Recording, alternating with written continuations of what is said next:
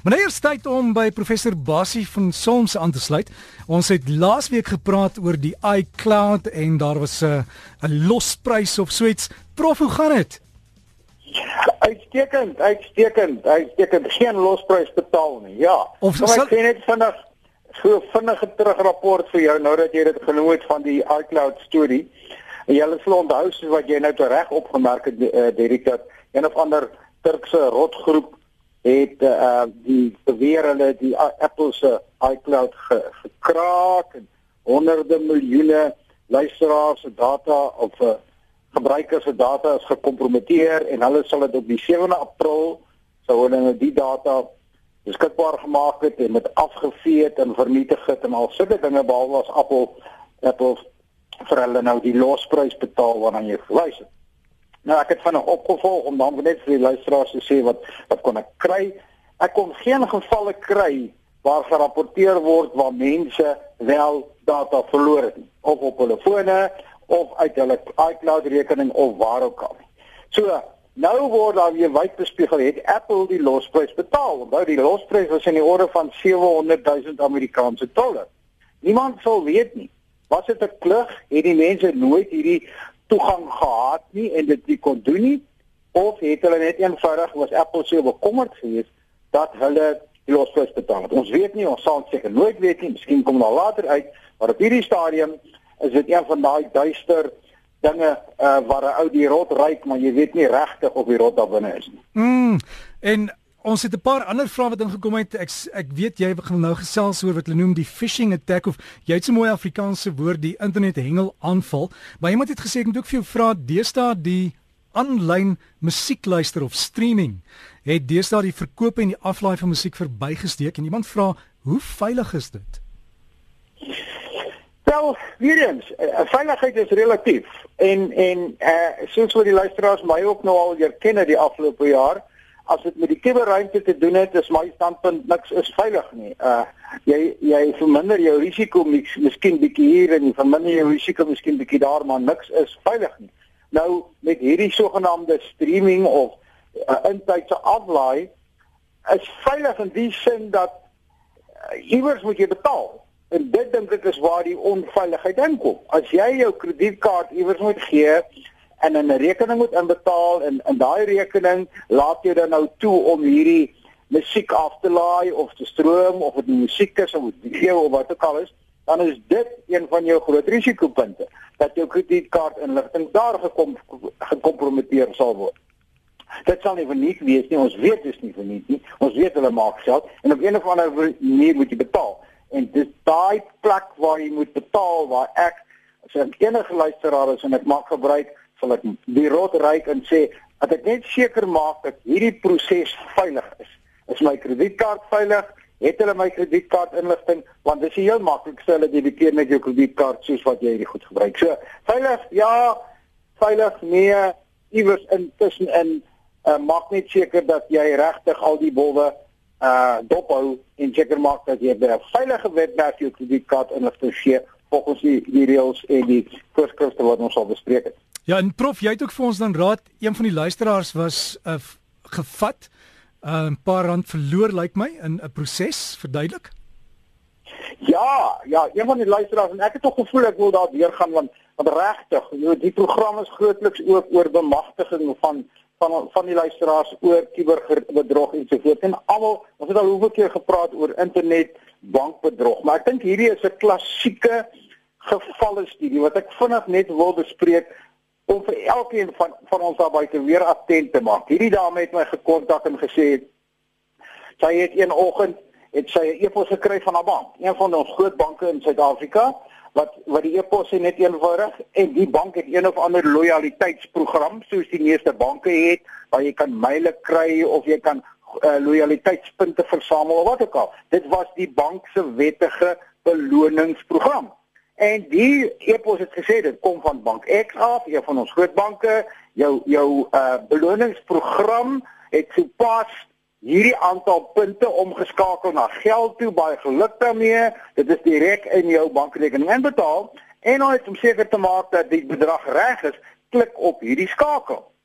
wat eerstens die groot fout was wat sy gemaak het, daar moes sy al die rot geryk het, maar toe klik sy op die skakel.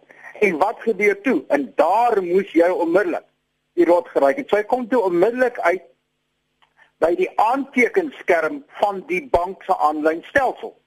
En sonder om twee keer te dink, sê sy maar goed, ek is dus nou by die bank se aantekenstelsel en sy teken aan. Nou wat hier gebeur het, hierdie is nou 'n klassieke geval van die sogenaamde man in die middel aanval. Hierdie kiberot het epos haar gestuur. En die skakel waarop sy geklik het, het nie na die bank toe gegaan nie. Daai aantekenskerm was 'n vals of 'n herleide een wat identies dieselfde lyk aan wat direk na hom toe gekom het. Toe hy sit toe daar agter sy rekenaar, wees verseker daarvan. Die oomblik toe sy nou dink sy teken aan na haar aanlyn bankrekening toe en aan haar inligting insit, toe kry hy dit. En wat doen hy? Hy teken onmiddellik met daai inligting aan na die bank toe, na die regte bankrekening toe want hy het mos nou haar aanteken inligting en haar wagwoorde en alles net teken aan en hy sê ek wil 'n nuwe beginte begunstigde skep. Uh, nou weet hy dat die bank gaan nou die eenmalige wagwoord na haar selfoon toe stuur en onmiddellik projekteer hy die skerm waarop die wagwoord ingetik moet word na haar skerm toe. En sy verwag nou dat iets moet gebeur en hier kom haar foon na haar foon toe met 'n eenmalige wagwoord wat sy moet intik en hier sien hier die bank se skerm voor haar en sy tik die wagwoord in. Daai eenmalige kode En Tipi aan die ander kant kry kry die kode op sy rekenaar. Hy vat dit onmiddellik, hy sit dit in die bank se rekening in haar in. Hy skep die nuwe beginsigte en hy steel haar geld. So hy het hier tussenin gesit. Nou, wat wat is die wat is die moraal van die storie? Die moraal van die storie is eerstens moet nooit nooit nooit as jy by jou bank of jou jou jou bank se intyse bankaantekeningsskerm uitkom en jy kom daar uit sonder dat jy die adres bo in jou webwerf ingetik het. Sonder dat jy ingetik het www.xbank.co, dan is dit 'n klug. Dan is dit die rot. Moenie dit doen nie. Jy moet net by jou bank se aantekeningsskerm kan uitkom as jy self die adres bo intik. Onthou dit. Dit is jou Dis die wenk wat jou lewe of jou geld tot 'n groot mate gaan red. As jy op 'n skakel klik wat binne 'n e-pos boodskap is of waar ook al en jy kom by jou bank se aanteken inligting uit, daai rot moet jou so ryk tussen jou oë slaan dat jy onmiddellik die rekenaar afskakel.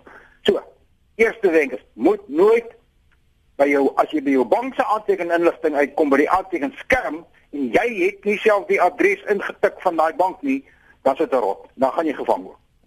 En yep. tweedens, wat wat hiermee saamgaan, net vinnig Dirk. Yep. Baie van ons stoor daai adres in ons in ons kom ons sê ons ons verkose op ons sogenaamde favorites lysie. So as ek nou na bank X toe wil aanteken, dan gaan ek na my lysie van voorkeure toe. Daar's die bank se naam. Ek klik op hom en hy sit hom sommer bo in my skerm en en dan gaan hy. Moet dit nie doen nie, want die kuberkraker kan in daai verkiesings daai daai voorkeurlysie van jou inkom en hy kan daar daar was staan www.joubank.co.za verander hy daai adres binne in jou eie rekenaar. En as jy dit klik, dan gaan jy in elk geval na sy opskerm toe. Ja, prof mens word sommer bang en ek weet van die banke deesdae vra mense ook om hulle belastinginligting op te dateer en as jy twyfel oor die die regte e-pos is, gaan na die bank toe, sit daar, doen dit saam met hulle voor hulle, dan weet jy is veilig. Jy is bemagtig, ek kan dit sommer sien. Baie goed. Jy's heeltemal reg. Jy weet, as dit as dit die einde van belastingtye is, as dit hierdie beloningsprogramme is. As jy 'n program kry wat sê ek het soveel punte gekry of soveel dit gekry of wat ook al, doen die volgende. Moet dit nie doen nie. Moenie reageer nie. Ek het groot hier in letter geskryf, dink voor jy dit doen want as dit die ontvanger is, gaan hy by jou uitkom op een of ander manier. Ehm um, jy gaan nie na hom toe nie. Jy gaan nie jy gaan nie die dinge uh, uh, elektronies vir hom uh, inlaai nie moenie reageer nie. Of dit nou 'n telefoon op, want hierdie goed gebeur ook met telefoonoproepe. Ons het almal al gepraat van die Microsoft agent wat jou bel op die vreemde ou wat jou bel of selfs nou met hierdie iCloud mense wat sê jou iCloud is gekraak. Uh hierso, verskaf. Ek gaan na hierdie webwerf, jy tik die webwerf in wat hulle vir jou gee en maak die ding reg. Moenie daaroor gaan nie. Ek praat Ek het al gesê praat in 'n vreemde taal. Die ou moet jy nie kan doen nie. Jy gaan nooit weet of dit reg is of nie. So jy's heeltemal reg. Moet liewerste nie reageer nie want as dit 'n ernstige saak is, sal hulle terugkom na jou bank toe. Skryf dit in groot letters. Jou bank sal nooit vir jou 'n e-pos stuur met 'n skakel in waarop jy moet klik om na hulle aantekenskerm toe te gaan nie. Hulle sal dit nooit doen nie. Jy moet dit self doen. En as dit gebeur, dan is die rot besig om jou te vang. O, oh, dankie aan Prof Basie van Soms daat ons nou die waarskuwing gekry. So wees maar net dubbel dubbel dubbel versigtig en as jy twyfel, gaan vra jou bank finansiële instelling, moenie sommer die goed doen nie want dit steeds so maklik en ons wil nie met al jou geld verloor nie. En Prof Basie van Soms is van die Universiteit van Johannesburg en volgende week weer hier op RSG saam met ons en as jy vra kan jy net vir my e-pos en gee ek vir hom d by rsg.co.za kan ons volgende week daaroor gesels.